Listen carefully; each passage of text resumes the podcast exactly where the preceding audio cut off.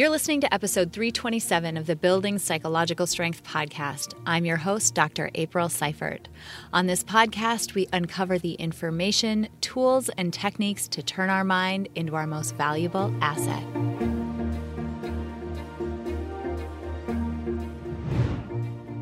All right, everyone, welcome back to this episode of Building Psych Strength. I'm so excited for today's episode because we're covering something that we haven't covered really in any depth on the podcast. So this is exciting if you're here. I'm thrilled because you're getting very new information. Today, we're talking about the use of creativity and specifically art and the process of making things in a creative fashion in order to thrive. As it turns out, there are tons of connections and a lot of schools of thoughts uh, in positive psychology and other areas of the field that support the notion that creative practices and the act of making something is actually psychologically protective.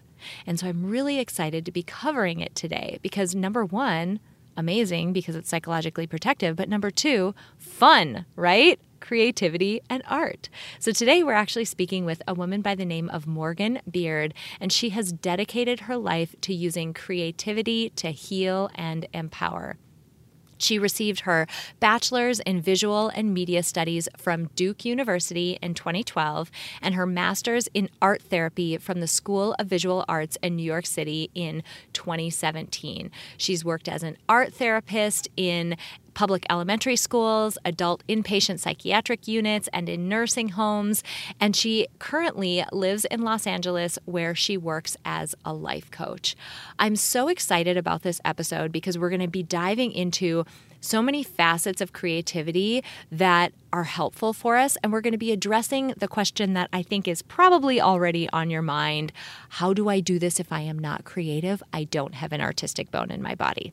So if that's you, stay tuned. If you already are into it, great. I'm so excited for you to hear this episode and for you to meet Morgan.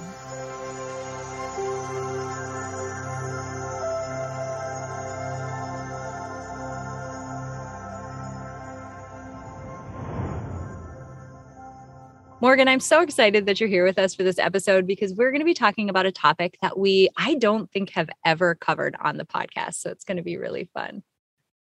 Awesome. That's amazing to hear. I'm excited to fill that in for you. yeah, I mean 5 5 seasons in and we have not yet covered this. So this is great.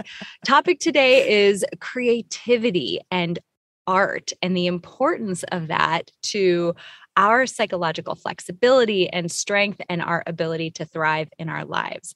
Um, tell me a little bit about the role and the importance that you've seen, just given your background in mm-hmm. creativity and art in people's mental health and well being. Yeah, I mean, so it all started really with me personally, just always kind of identifying as an artist and always using creativity as a way to channel complicated emotions that I didn't understand into a tangible product that I could then look at and understand myself better. So, creativity is a huge portal to self knowledge. Um, it is one of those things that can uh, fill in a gap that language can't, where it accesses our subconscious in a way that we might not even be aware of what's stored in there, what gems, you know, in the same way that when we go to sleep and we have outrageous dreams, that when we dig into those, it's like, oh, it's telling me this or this symbol came up or that, and makes you think differently about your relationships or the way you approach a task or something you're stressed about. When you give yourself the blank container of a piece of paper and you just allow yourself to use color and abstract form and shapes and you don't you don't have to force it into the narrow boxes of like language uh, and these very like concrete sort of masculine um, mechanisms or languages yeah um, you can really find out things about yourself that you would have no other way of of knowing or understanding because you can use pictures and you make connections unconsciously that you wouldn't you wouldn't otherwise know uh, were there. And so when I, I used to work as an art therapist, I'm now a life coach, but as an art therapist, I learned a lot about different mediums, meaning like, you know, painting versus drawing versus collage uh, versus just sketching with a pencil, um, and what different things that can help you access uh, certain, uh, like the spectrum of wet and loose and fluid media versus dry and concrete and easy to manipulate. And you know what how that changes how you approach and how that changes the product. And then you know when you look at what you've made you can then sort of try to understand and decode. It works well with another person but you can do it with yourself as well. Like hmm okay i really for example i did a self portrait and I, I have this big piece of paper and I drew this tiny little me. Whoa, why why didn't I take up more space on the page? Like mm. it shows you your own frame in a way that I think a lot of verbal stuff kind of misses. I love that. That's so good. You know, and it made me think about there's so many directions we can go today because mm-hmm. there are a lot of call them schools of thought within psychology that really support exactly what you're saying.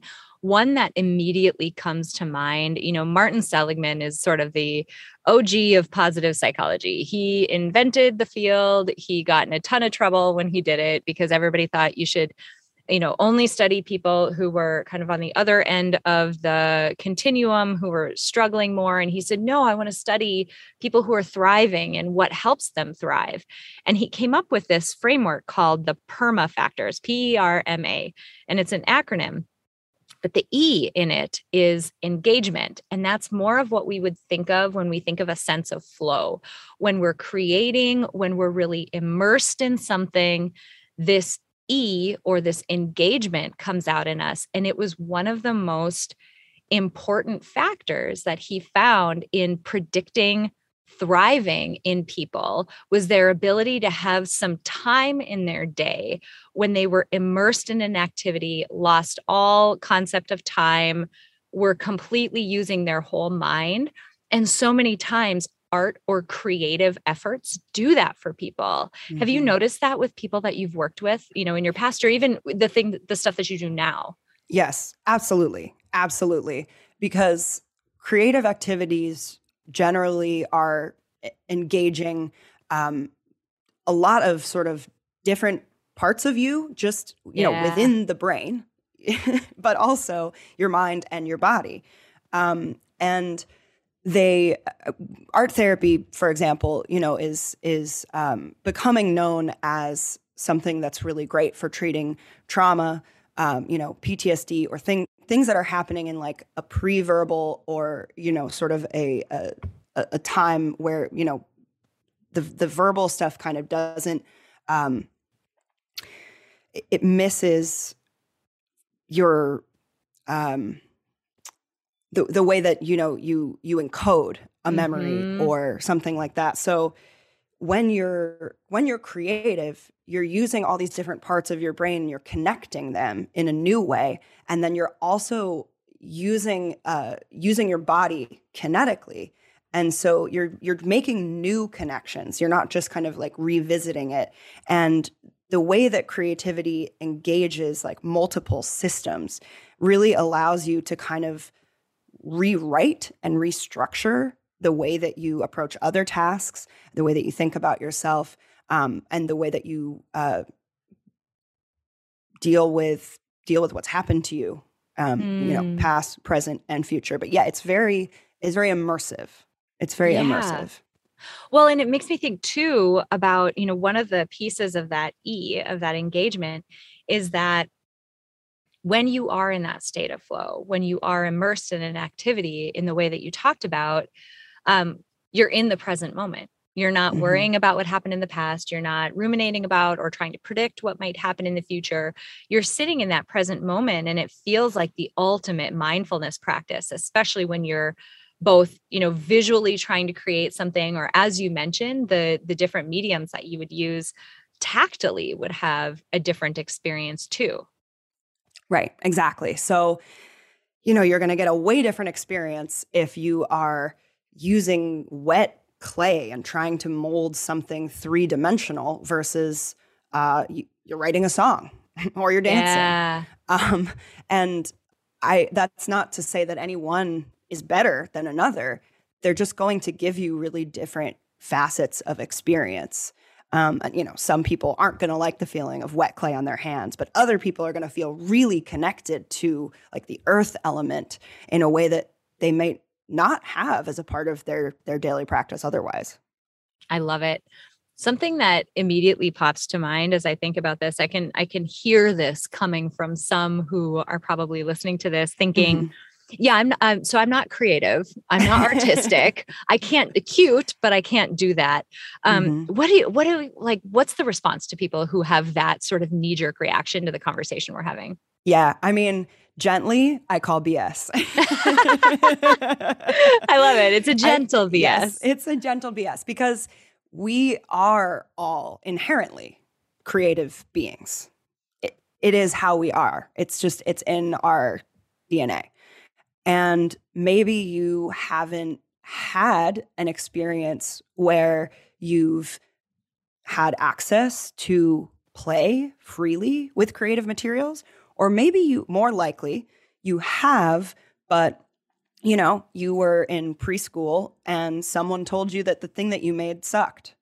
Or mm. you were in high school and you're getting graded on some specific assignment in your art class. And so you develop this idea that I'm not an artist, I'm not creative, you know, to kind of just be like, eh, I'm not going to focus on that area of my life. And you kind of just put it to bed and compartmentalize, like, no, no, I'm not creative.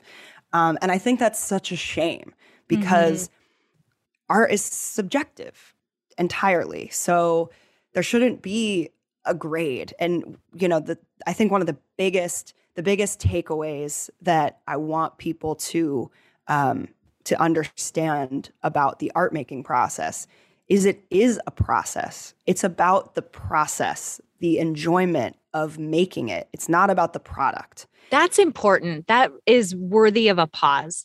Yeah. Because you hear this a lot, right? It's a, it's the journey. It's mm. who you become like and I don't mean to make fun of it because it's true though. Yeah. It's like I want people to sink into what you just said.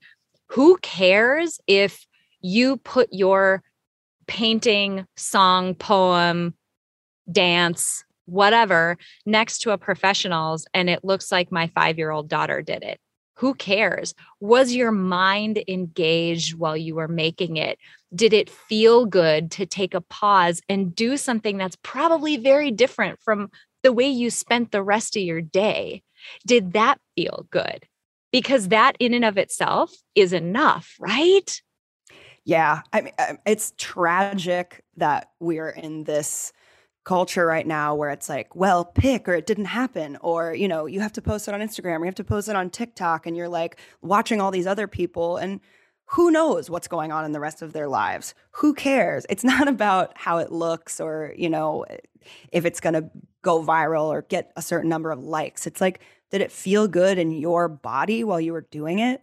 There there's not a that's that's not something that is like really valued right now on a you know at least at, on that superficial level in our mm-hmm. culture right now like we're we're much more focused on what's what the product is in, in all realms in all yeah. realms yeah. And just the way that you said that, did that feel good in your body? It made me think about, you know, we were talking a little bit before we hit the record button about the way that we think about self care at Peak Mind. We think about it in terms of, if, and if folks haven't heard this, I'll link to some episodes below. below. We'll talk about it uh, at the end of this episode a bit.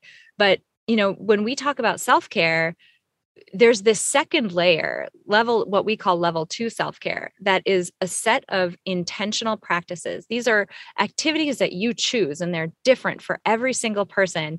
But the purpose of those activities, it's intentional. What you're trying to do is invoke a, a state in yourself that allows you to show up as your best every day. And this practice of making and creating feels like it is such an innovative practice to slot into that second level because it uses your mind in such a different way and can really change, I would imagine, the way that you think about yourself. Yes. Yes. Because then you're challenging that belief. Oh, I'm not a creative, or I'm not a creator, mm. I'm a, not an artist. You're giving yourself new information. It's like, well, can I really say that I'm not a creator? I just wrote a poem and it was fun. And someone might think it's silly, but again, like we said, who cares? And so there's that sense of like, oh, I've I've I've done something. I I do want to validate that there's a there's like that self-esteem ping that happens when we actually do accomplish something and that feeling of mastery over something that's real and that's beneficial. Um, but yeah, it's much more about opening yourself up to different ways of accessing like life experience and mm-hmm. expanding mm. expanding your comfort zone and then going oh wow kind of surprising yourself about what you're capable of and that's a really empowering feeling and i'm sure that everyone listening is doing things that are creative that they might not think of as creative um, you know, you can fold the laundry creatively, you know, there's just so many things that you can do and you can put a flair on it. Like there's, you know, kind of that, that Zen idea of like, it's not what you do, it's how you do it. You, when you're walking, walk, when you're talking, talk, like embody everything that you're doing as fully as you can. And then when you do that, there's not a whole lot of room for the judgment of, well, I'm not an artist until you get to the state where you're like, analyzing what you've already done. Yeah, sure. And you're right. I mean, the accomplishment of it in and of itself is protective. That's that's the A in PERMA is achievement. You've you've done something, you've made something, you've gotten somewhere. But it's a what's important about that is that it is a separate factor from the engagement factor. They both like the making, the process is in and of itself important and like you could stop undone and you've still gotten a boost from it and the achievement is kind of icing on the cake. Um yes. I love to something you said earlier when we were um, just kind of getting acquainted before we were recording this notion of helping us be more embodied and mm-hmm. be, like move out of our heads a little bit. Can you talk about that? Yes absolutely so I think that one of the most valuable factors of engaging with your creativity in any form is that it puts you in a play space. You know, a lot of people think of art or you know, the other misconception about art therapy when I was doing that was like, oh, it's it's for kids, right? And it's like, well, no, it's for everyone. Actually, I think adults could benefit more from it. Adults can benefit more from reclaiming that part of themselves that just kind of over time gets shut down or poo pooed or whatever. You develop a bunch of rules about how you have to fit into society. And I think that that the creative or the creator's mindset is kind of going, no, I can make my own rules. Mm. Um, I'm I'm straying away from the the body question because I'm just there's like you said there's just so many avenues where creativity is amazing and so you could talk about it in a million different ways. But so the embodied act of putting something down on paper, like if you can think back to when you were, I don't know, maybe three or four or five, and you first got exposed to the sandbox or finger painting, and you were just unleashed on that free container to do whatever you want, to make your mark, to put your thumb in it and make an impression. Like that's a really powerful and sensory experience. And there's so much freedom in that. And like the sandbox, you know, is this uh, metaphor, obviously, for a, a place that we can play or develop ideas.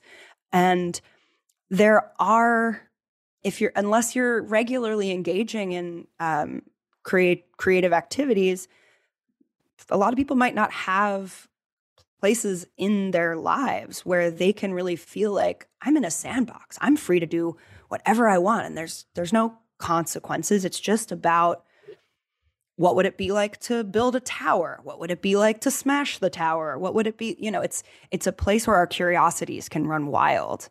And I think as adults, a lot of that is squeezed out. Um, and when we get to have those experiences with ourselves in our own bodies of like igniting play and igniting curiosity, we feel alive in this yeah. very fundamental way. It's like our whole body is ringing with this sense of like, ooh. Yeah. Yeah. Well, and you see it. So I actually have daughters that age. I have one of mm-hmm. my youngest daughters three, and my oldest daughter oh. is five and a half. And it's amazing to watch them do something creative because it is a full body experience. And if you've watched a kid paint, you'll see this too. Inevitably, 100% of the time, yes, they paint the paper. They'll maybe make a picture, maybe it's more abstract, whatever. 100% of the time, they will smash their hand into the paint and they're it's it's a tactile thing they're just feeling what the paint feels like they'll roll it around in their hand it's a tactile experience. They're not necessarily like, let me see how I can make a big mess. That isn't what's going on. If you watch them, they're just experimenting with it. They do the same thing in the sandbox. They might make something or dig a hole, but inevitably, almost all the time, there will be a moment where, or just a pot, like a patch of dirt. They'll do this too. Yes. They'll pick up dirt and like run it through their hands and just feel how the dirt feels it's a tactile sensation in addition to the creation that they're doing or exploration that they're doing. And it's exactly what you say. It's not just in their mind trying to be creative, it's a full body experience. And we don't do that well as adults. Yeah, we're very focused on what we can't do versus yeah. like let's find the edges and let's cross some boundaries, you know? Um like I just think of the classic like kid uh trying to draw on the wall, you know, and there's like, "No, that's not where we draw." And it's like, "Why? We hang art there." yeah, my daughter literally did it the other day. So we're recording this right after Halloween. Uh, she took two googly eyes that she got from school from just this kit that they sent home, and she stuck them on the wall. And she was like, "Haha, the wall has eyes." And without even thinking, she grabbed a colored pencil and drew a jack o' lantern around it. it was yep. awesome. Just and then she looked and she's like, "Oh, I just wrote on the wall." I'm like, "Yeah, you did." great. it was so great. But she was so in her head, like, "Well, I'm I'm I'm make a face out of this," and it was wonderful. And I love yes. what you said about like testing assumptions, finding the edges, poking at them. We talk about that in life design all the time because it's the assumptions we make, the rules that we just unquestioning, uh, unquestioningly follow that keep us quote unquote in line and also mm-hmm. limit what we think might be possible. And we talk about like if you if you're walking along a path and you you come up to a brick wall poke at it and make sure that it's actually a brick wall or does it immediately fall over and you just assumed it was solid and and was there? And this sounds like a way of helping you learn in a risk-free environment to start testing some assumptions and and you know pushing boundaries. Yes because when you're i love what you said about like our our rules are designed to keep us in line but being in line isn't the value that makes us the happiest in our lives. It's not the mm. value that makes us the conductor of our orchestra, you know? Um, it's the value that keeps us uh, maybe productive at work where we're underneath other people. Um, but in our own lives, we're the boss. And I think that we sometimes kind of forget that because we get so used to putting on the clothes of, the person that stays in line for whatever reason whether we have to be responsible for the children or you know the, the whoever whoever is that like enforcer mm-hmm. yeah and you said something earlier as well that is i think it's it's worthwhile bringing up because it ties back to our conversation about self-care mm-hmm. it also ties back to this notion of life design um, you use the word worthy mm. worthy of self-expression can you talk about that a little bit? Because that feels yes. like a probably a common barrier. yes. Yes. So that's exactly why I said the like gently, I'm going to tell you that's BS thing when you said, you know, someone, I'm not a creator, I'm not a creative, whatever. Yeah. And I want to yeah. speak directly to those people that are thinking, oh, not me, not me. I wager that there's a small part of you, whether you use that language or not, of worthiness that maybe feels unworthy of trying it, of expressing yourself. And that might get that might get expressed or, or masked in, oh, well, I don't think there would be a point. I don't think I would make anything good, or I don't want to waste a piece of paper on myself. I've heard a lot of people say that. And it's mm. like, that is so sad. That's so sad and heartbreaking to me because you're you're cutting yourself off from your own potential, from seeing your own potential. Maybe you're afraid you have nothing to output that's of value. And I just, I think that's such a, a tragic mistake of our bias towards ourselves to make. Mm-hmm. Um, we are absolutely worthy of finding out what's inside of us through self expression. You know, maybe you found a way to justify, okay, well, I, I journal, you know, because I realize that's helpful and, you know, I can get to the bottom of my thoughts and whatnot. And I, I'm a huge advocate of journaling, of course.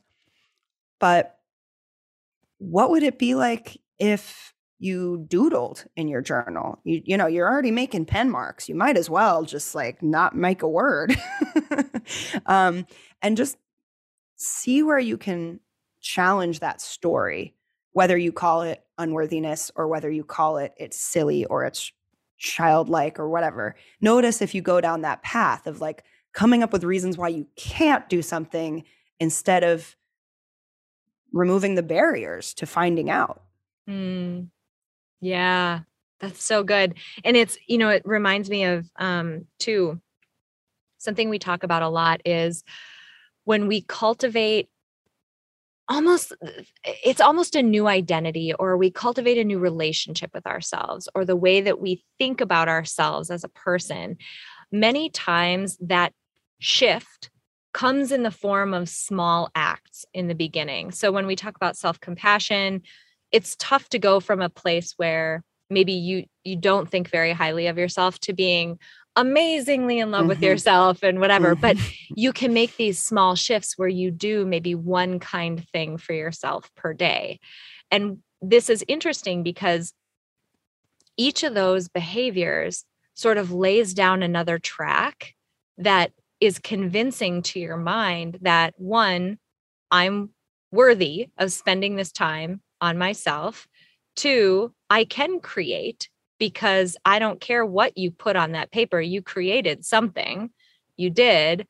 Um, and three, I'm worthy of being, of experiencing that engagement and that flow that we talked about, of being immersed in an activity that is not for the purpose of producing something of financial value or of value to society in a way that we would necessarily think. I'm worthy of just having this experience and allowing mm-hmm. that to be enough. Yeah. And if you're not willing to 100% be like, I'm worthy of making art, try, I'm willing to believe I might be worthy of making art. Ah, yeah. Let it be a hypothesis and then test it.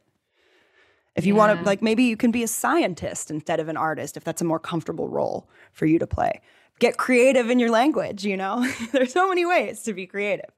Um, and if you're think if you're if you're the person who's like i'm afraid of wasting a piece of paper stand up and just shake your body and just do something silly and let that wall come down of like whatever you're holding on to that might be just someone else's voice stuck in your head about like what you should or shouldn't do or you know whatever. Like there's when you were a kid you wouldn't have any qualms about getting up and doing a silly dance and like shaking your arms out and going blah, blah, blah, blah with your mouth.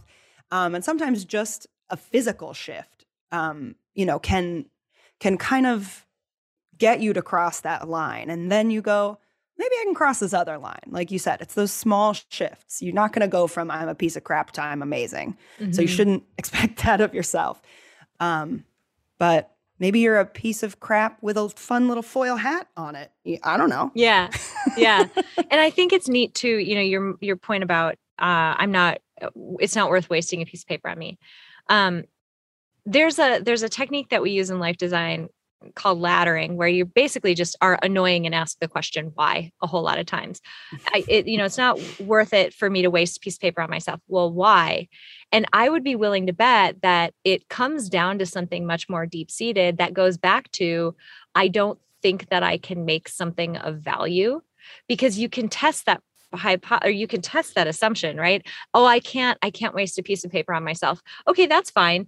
Go to your junk mail pile. You probably got some kind of credit card offer from your bank or some advertisement from someplace in your neighborhood that you don't care about, go get that piece of paper you were going to throw away anyway and look up a YouTube video for how to make origami. And if you still feel resistance to creating, it's not the piece of paper, it's something else. And I would be willing to bet a significant amount of money yeah. that it's not the piece of paper. It's a right. more deeply held belief. And our minds are sneaky in that way. I never would have thought about this, but it's just the way that you're describing it that I'm like, man, this really does get at testing our self worth and our willingness to let ourselves be in the process, not deal with what or not value ourselves just for what we can make and produce. Yeah, but it, you know, and and like you said, it it is about just like cracking yourself open and getting to the bottom of whatever that deep seated thing is. Because you know, a lot of people also have a resistance to just like being with their emotions or expressing their emotions. That's a very like hand in hand kind of thing.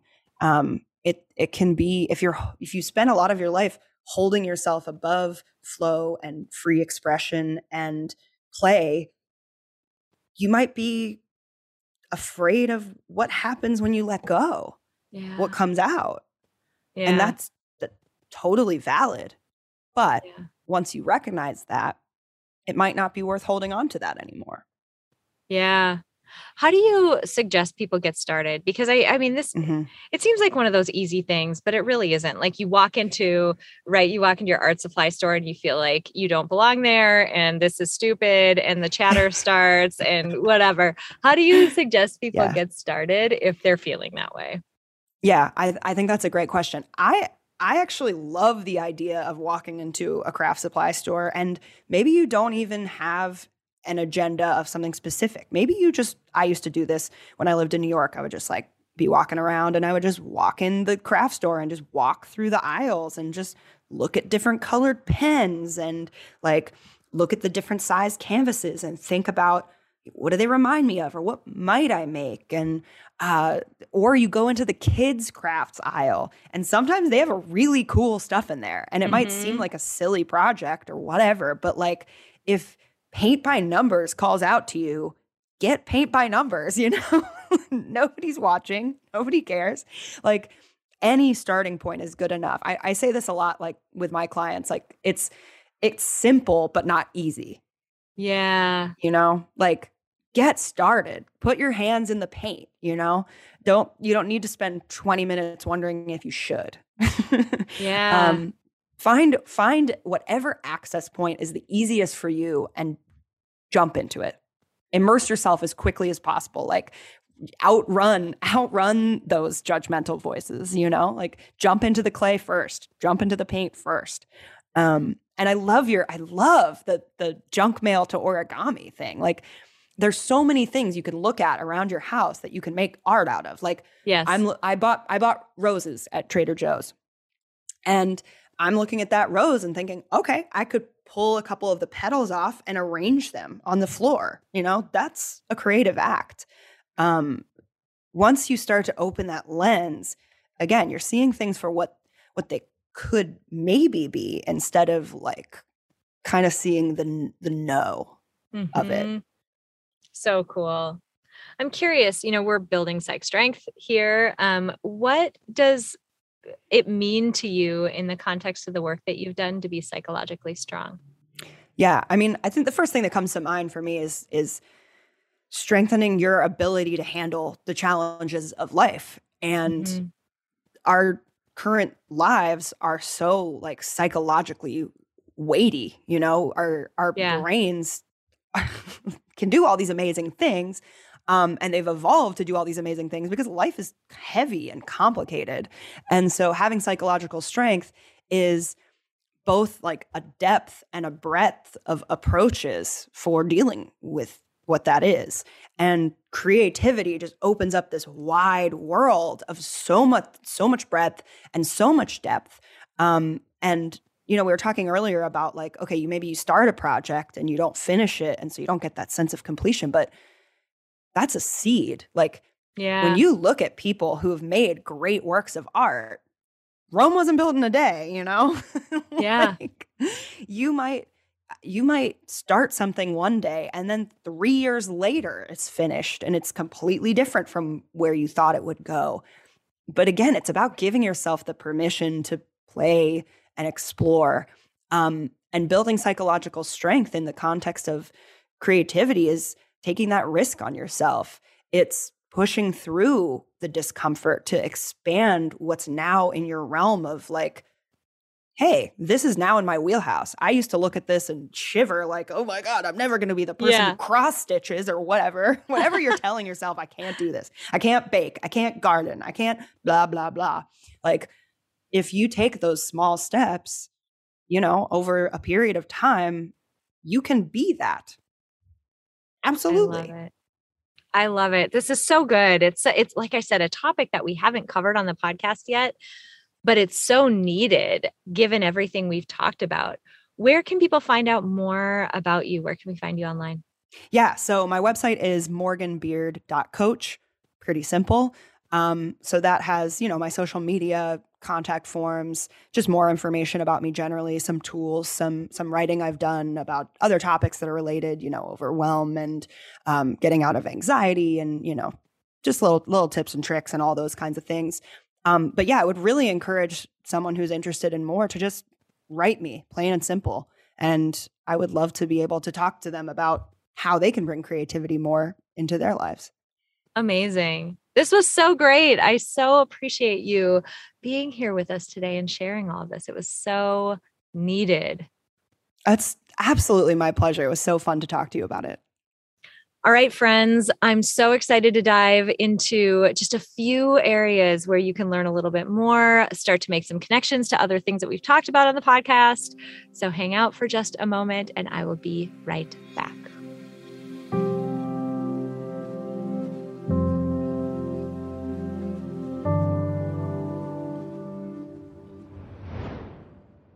I really hope you enjoyed that conversation with Morgan. It really got me thinking about a lot of different schools of thought and a lot of other resources that you can dive into if you want to go a bit further.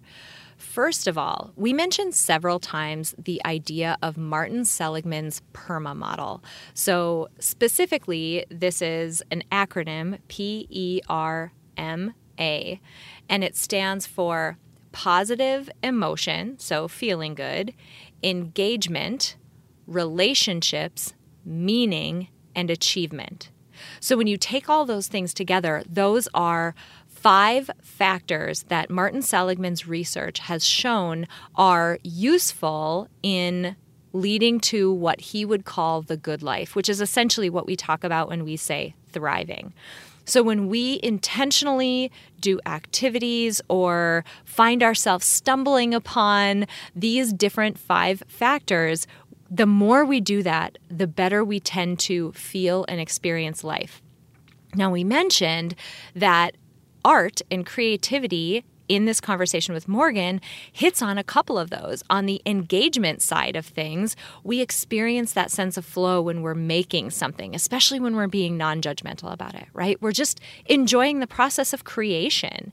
So, that engagement is one of those perma factors. And the second one is achievement. We get that that hit of dopamine when we finish something, even if it's not perfect, but we made it and we got it done.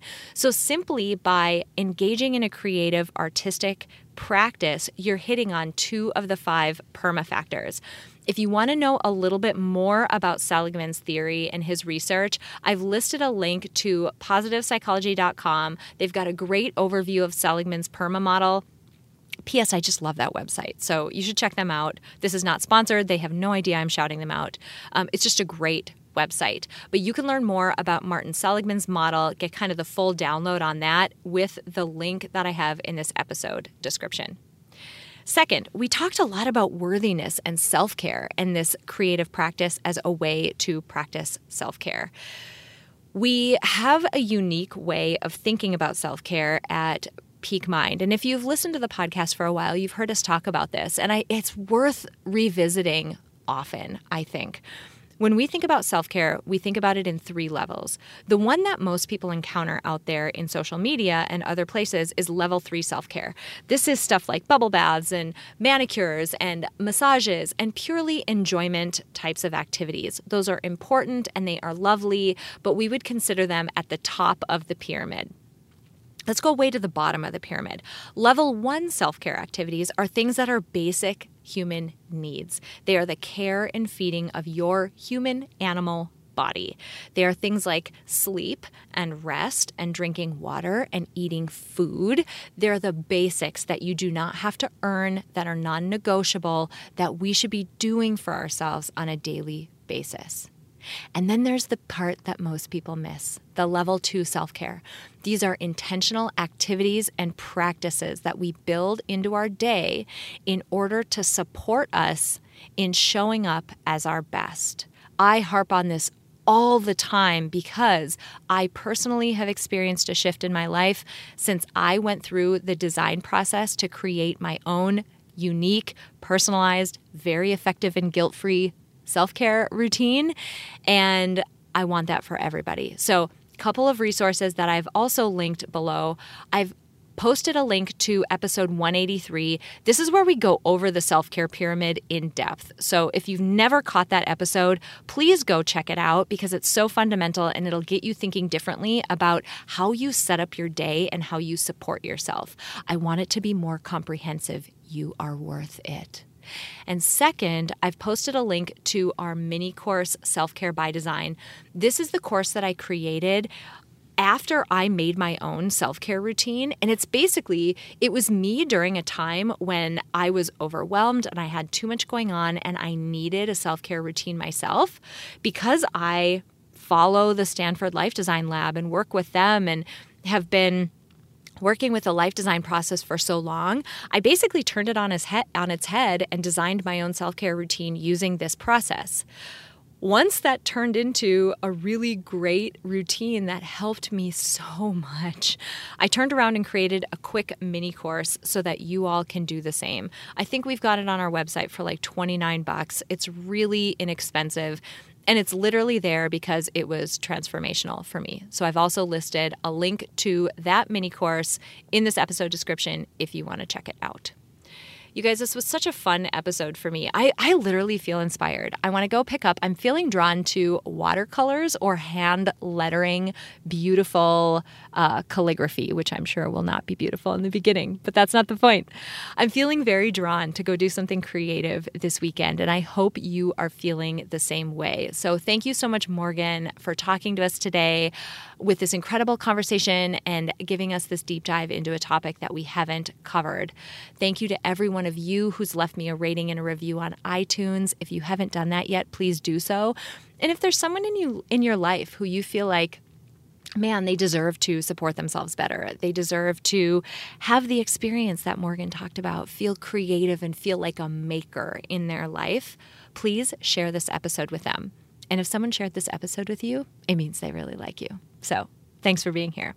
And finally, let's remember that time is the most non renewable resource on the planet. And I'm so grateful to each and every one of you who chose to spend some of your precious time with me today. I'm Dr. April Seifert, and I will see you next week.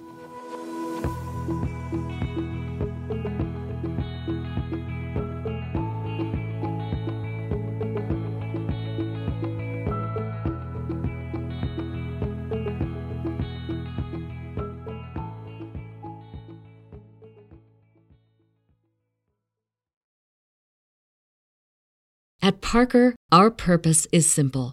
We want to make the world a better place by working more efficiently, by using more sustainable practices, by developing better technologies. We keep moving forward. With each new idea, innovation, and partnership, we're one step closer to fulfilling our purpose every single day. To find out more, visit parker.com/purpose. Parker, engineering your success. As humans, we're naturally driven by the search for better. But when it comes to hiring, the best way to search for a candidate isn't to search at all. Don't search, match with Indeed. When I was looking to hire someone, it was so slow and overwhelming. I wish I had used Indeed. If you need to hire, you need Indeed. Indeed is your matching and hiring platform with over 350 million global monthly visitors, according to Indeed data, and a matching engine that helps you find quality candidates fast. Ditch the busy work. Use Indeed for scheduling, screening, and messaging so you can connect with candidates faster. And Indeed doesn't just help you hire faster. 93% of employers agree Indeed delivers the highest quality matches compared to other job sites, according to a recent Indeed survey. And listeners of this show will get a $75 sponsored job credit to get your jobs more visibility at Indeed.com slash podcast. That's Indeed.com slash podcast. Terms and conditions apply.